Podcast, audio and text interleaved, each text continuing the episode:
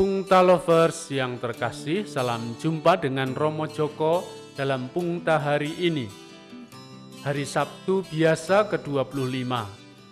Renungan diambil dari Injil Lukas bab 9 ayat 43b sampai 45. Renungan kita berjudul Belajar dari Viktor Frankl.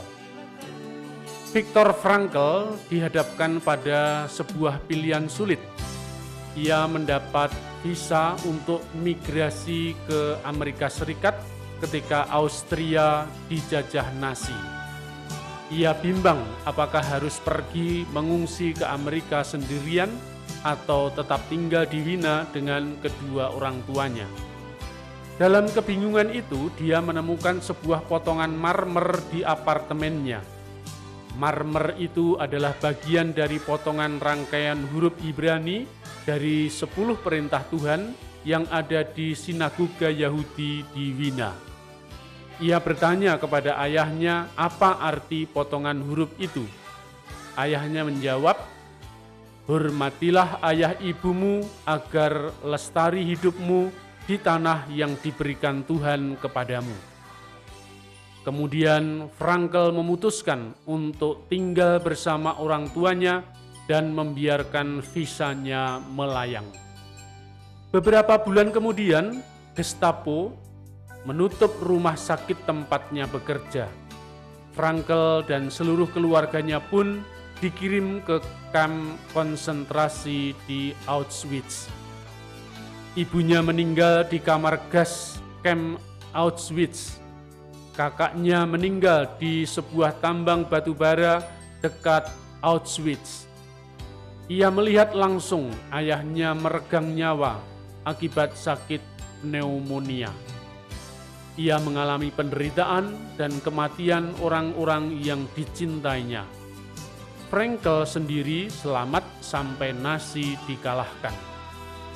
Dari kem konsentrasi itu lahirlah ilmu yang dikembangkannya dalam bidang psikologi yaitu logoterapi terapi untuk memaknai kehidupan.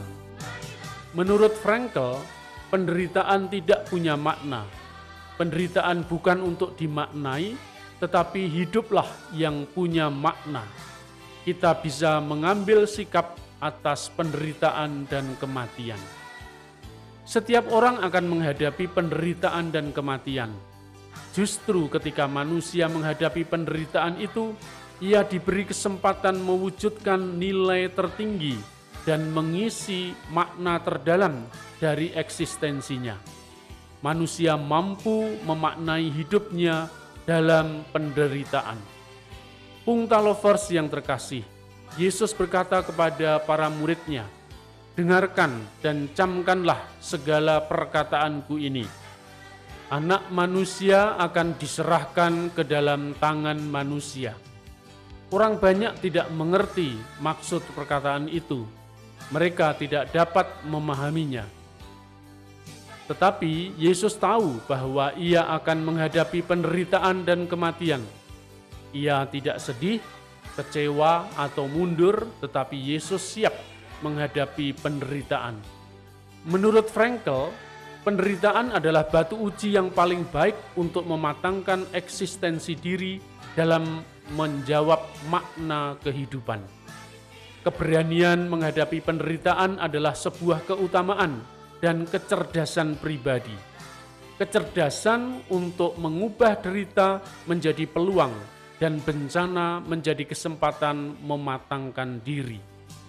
Dengan memandang positif atas penderitaan, orang punya alasan kuat untuk memaknai hidup di masa depan. Hanya dengan melihat ke depan pada tugas perutusan dan manusia yang dicintai Allah, penderitaan dapat dimaknai dan dihadapi dengan penuh martabat secara manusiawi. Yesus memandang penderitaan demi tugas perutusannya dan demi kehidupan seluruh umat manusia. Dengan demikian penderitaannya punya arti bagi keselamatan seluruh ciptaan, bagi kita semua. Maka dengan tegas Yesus berani berkata kepada murid-muridnya, anak manusia akan diserahkan ke dalam tangan manusia. Yesus siap menderita demi kesetiaannya pada kehendak Bapa dan demi keselamatan umat manusia. Sengsara dan derita itu bukan aib, bermakna bagi keselamatan masa depan.